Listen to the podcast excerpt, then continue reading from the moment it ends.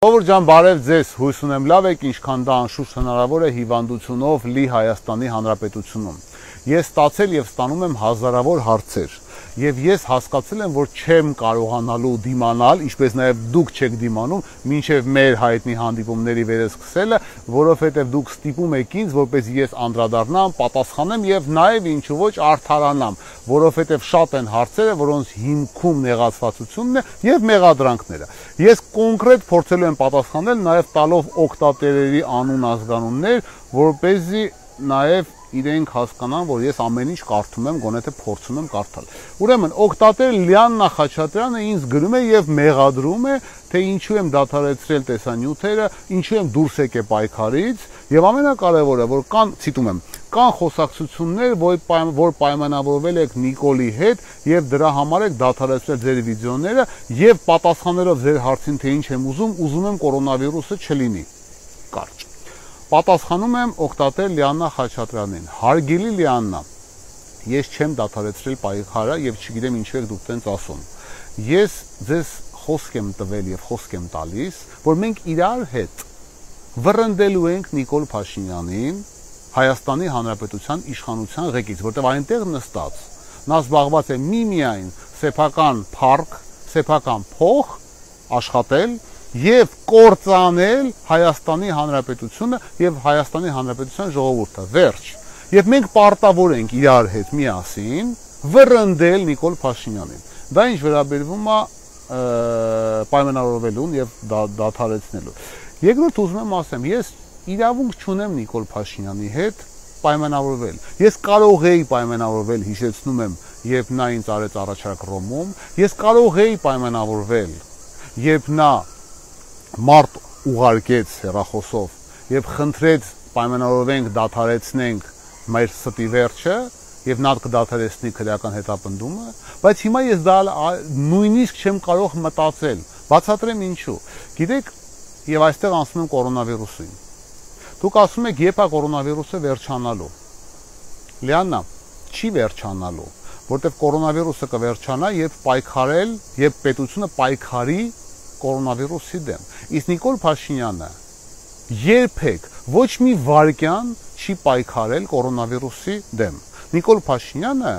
կորոնավիրուսից սարքել է իր ամենամտերիմ ընկերը, որովհետև օգտագործելով կորոնավիրուսը նա կարողանում է հիմա բացատրել Հայաստանի ժողովրդին, թե ինչու են մարդիկ ամեն օր ապրում ավելի վատ, քան նախորդ օրը։ Պատասխանը կորոնավիրուս, ոչ, դա սուտ է կորոնավիրուսը բացարձակ կապ չունի։ Կորոնավիրուսը բացարձակ կապ չունի, որովհետև Նիկոլ Փաշինյանը ձախողել է Հայաստանի տնտեսական զարգացումը եւ դա արել է մինչեւ կորոնավիրուսը։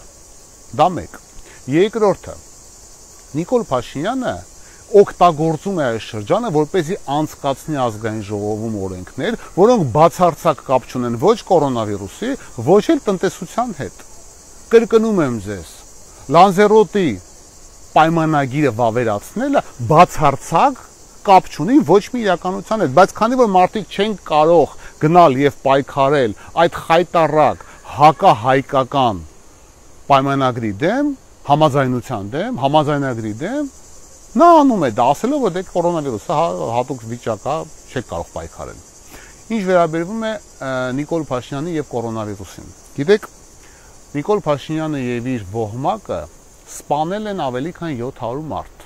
որովհետեւ ավելի քան 700 մարդ Հայաստանի Հանրապետությունում մահացել են հիվանդության պատճառով։ Որպեսզի դուք պատկերացնեք, Լիանա, դա մի գյուղ է։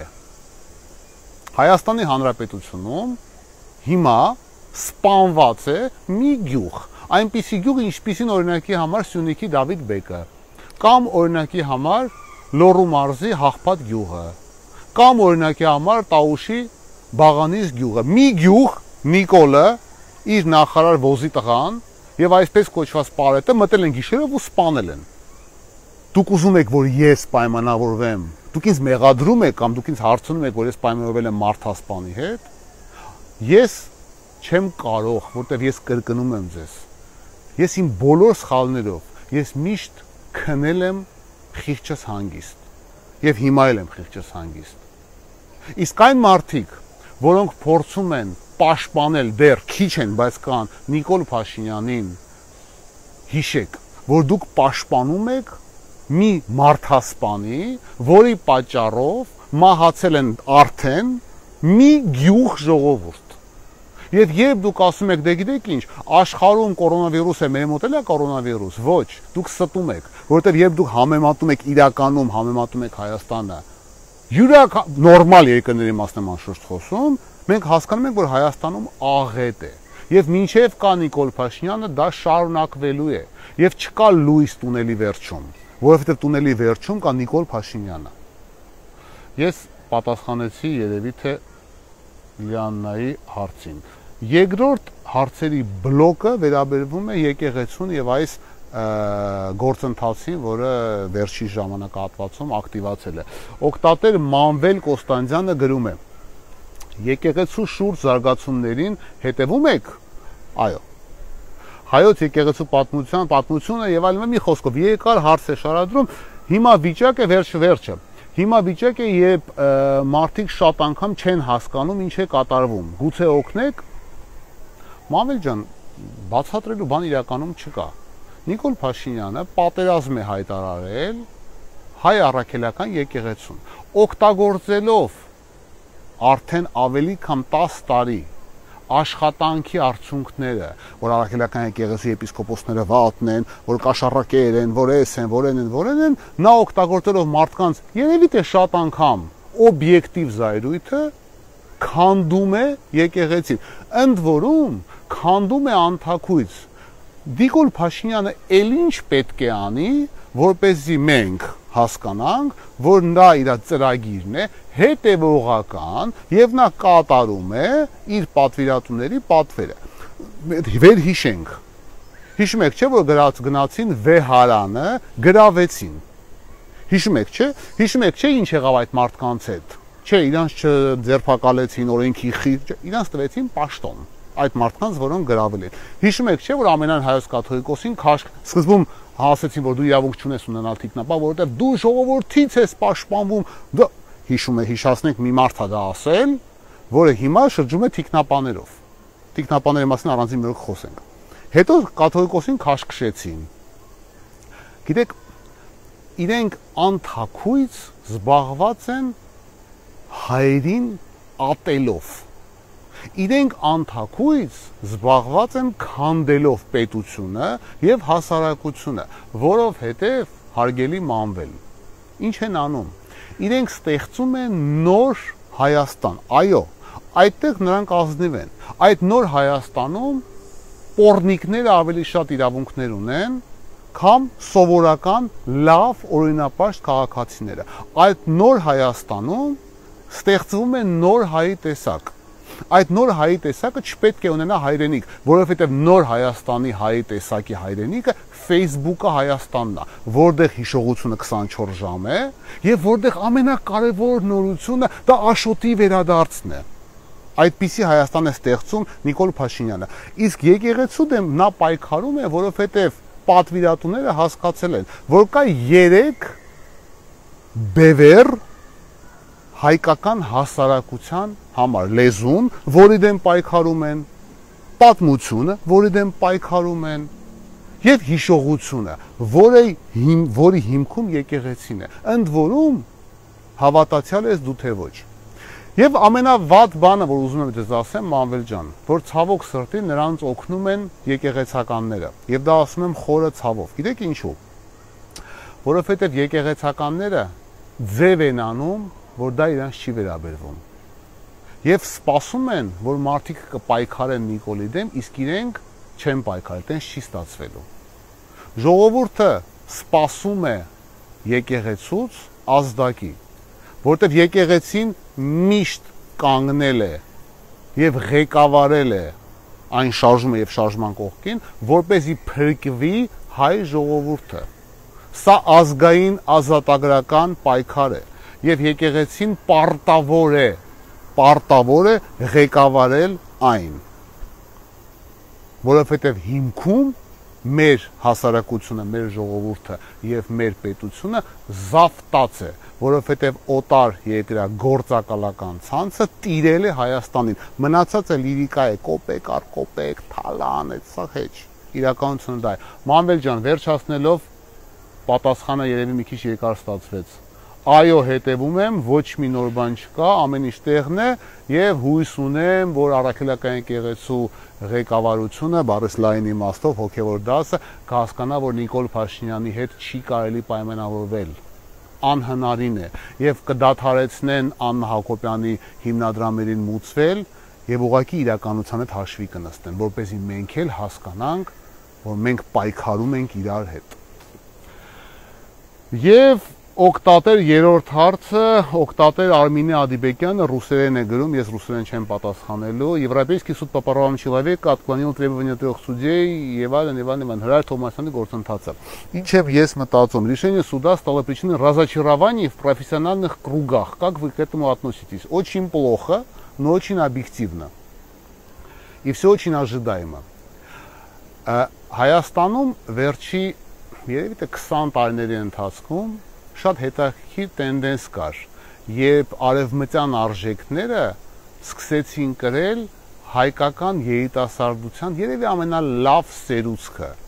Իդեպ նույն վիճակը 1910-ից 15 թվականների ընթացքում էր, երբ պոլիսից երիտասարդները գնում էին ուսում ստանալու լավագույն եվրոպական համասարանները, Եվ վստահ լինելով, որ արևմտյան արժեքները նաև լինելու են արտացոլված, արտահայտված քաղաքականության մեջ, վերադարձան եւ սկսեցին պայքարել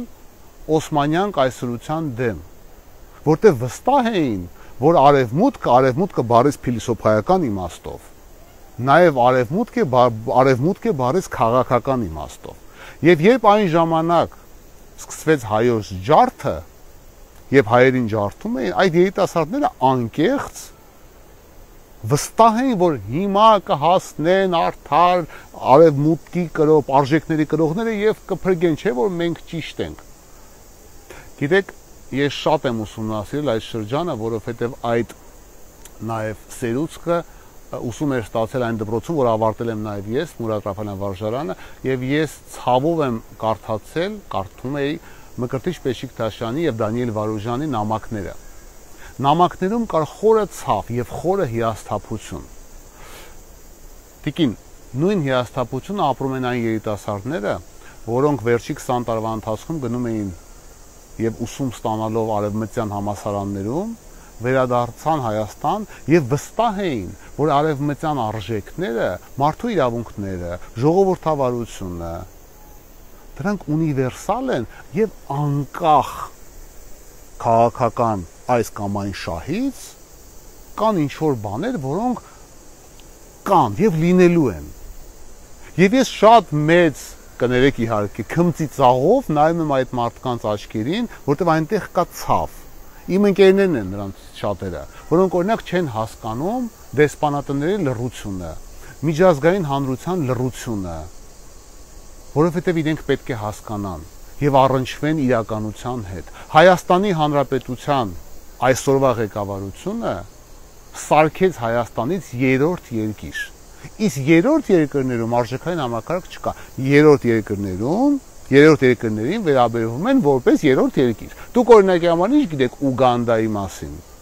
Ինչու պետք է եվրոպական դատարանը մեզ վերաբերի որպես ժողովրդավարական երկիր։ Մենք ինքներս չենք ժողովրդատեր։ Մենք տենց դարձրեցինք մենք մեզ։ Մենք մեզ Նիկոլ Փաշինյանը անշուշտ դարձրեց մեզ страна изгой։ Իսկ այդ մարդիկ ունեն իրենք կոնկրետ շահերը։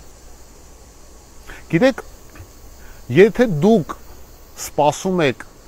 եվրոպական ինստիտուտներից օբյեկտիվ, այսպես կոչված գնահատական, դուք ինչու չեք սպասում օբյեկտիվ գնահատական այն պերսոնաժից, հիշում եք, մի հատ կենթանի կար, որ անընդմեջ գալի պարկում էր, Վարդգես Գասպարին։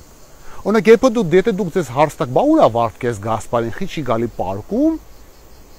որտեղ Վարդգես Գասպարին աշխարհի Հայաստանի դեպ ամենահետաքրքիր բանն է։ Հայաստանում ամենին շատ པարզ է։ Հիմա Վարդգես Գասպարին չի պարկում, բայց պաշտպանում է ուշադիր եղեք KGB-ին։ Մենք միակ երկիրն ենք, որտեղ գրանտ ստացողը ժողովրդավարության տարածելու համար 10 տարի պայքարել է KGB-ի դեմ, հիմա պայքարում է KGB-ի համար։ Ինչու? Որովհետև ռեալ պոլիտիկում չկան արժեքներ։ Եվ արևմտյան արժեքները դրանք լավ են, եթե չկա ռեալ պոլիտիկ։ Հենց գալիս է ռեալ պոլիտիկ, միանգամից բոլորը անջատում են եւ մնում են մեղ կամ խեղճ հայերը, որոնք դեռ հույս ունեն բարի ջաջաներին, որոնք գալու են օգնեն։ Իսկ եթե ավելի լուրջ եւ ավելի խորը ես չեմ կարծում որ արևմտյան արժեքները դրանք ինչ որ կոնկրետ երկրներին են վերաբերվում ոչ արևմտյան բարես լայն իմաստով արժեքները դրանք նույն քրիստոնեական արժեքներն են որոնց հիմքում ժողովրդավարությունն է արժեքային համակարգը եւ մարդու իրավունքները։ Եվ իմ շատ սիրելի ընկերները, որոնք վերջի 20 տարին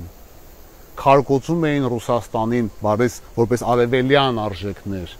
եւ մեծարում էին արևմտյան արժեքներին, հիմա նայում են արևելք փնտրելով արևմտյան արժեք եւ իրականում ճիշտ են անում որովհետեւ ռեալ պոլիտիկը մեզ պետք է նաև բերի ռեալ արժեքային համակարգի։ Ես հույս ունեմ պատասխանեցի ձեր հարցին, եւ ես քմծիծաղով եմ վերաբերվում եվրոպական բոլոր կառույցների վերջի վերջի 2.5 տարվա լրությանը եւ ես անկեղծ հույս ունեմ եւ վստահ եմ որ նրանք շարունակելու են եւս 5 տարի լրել որպեսզի մենք հնարավորություն ունենալ ունենանք օրինակի համար հանգիստ խղճով առանց աղմուկի դատելու 89+1-ին Նիկոլ Փաշնյան եւ մեր ազգային ժողովի սիրելի падգամավորներին բոլոր տիպի օրենքները խախտելու համար ես կարծում եմ պատասխանեցի բոլորին, դրանք հիմնական հարցերն են եւ վերջի կես հարցը, որի անունը չեմ տալու, միշտ դնելու է 3 կես։ Բա ինչու ոչ մեկ չթքեց սրանց վրա։ Նախ անունը չեմ տալու, նախ եւ առաջ թքեց։ Եթե դուք բացեք Facebook-ը, կտեսեք, որ հանած ֆեյքերին ու անպատասխանատու սփյուռքահայերին լավ է թքում են, Եվ նաև ամենակարևորը թքածը լիզում են։ Իդեպ նոր process-ը սկսե, ասում են այո, ես ժամանակին թքել եմ, բայց հիմա մեղա մեղքերս ընդունում եմ, լիզում եմ։ Իդեպ դա էլ են ողջուն, դա էլ են ողջունում։ Իսկ ինչ վերաբերում է կոնկրետ թքելուն, ես քանի որ մոդայիկ է գրանտ հայտարարել, ես գրանտ եմ հայտարարում, ով առաջինը թքի ոզի տղու վրա կունենա պրիզ, իսկ պրիզը կասեմ ինչա արնելու։ Լավ եղեք, Աստված մեզ պահապան, մինչ նոր հանդիպում։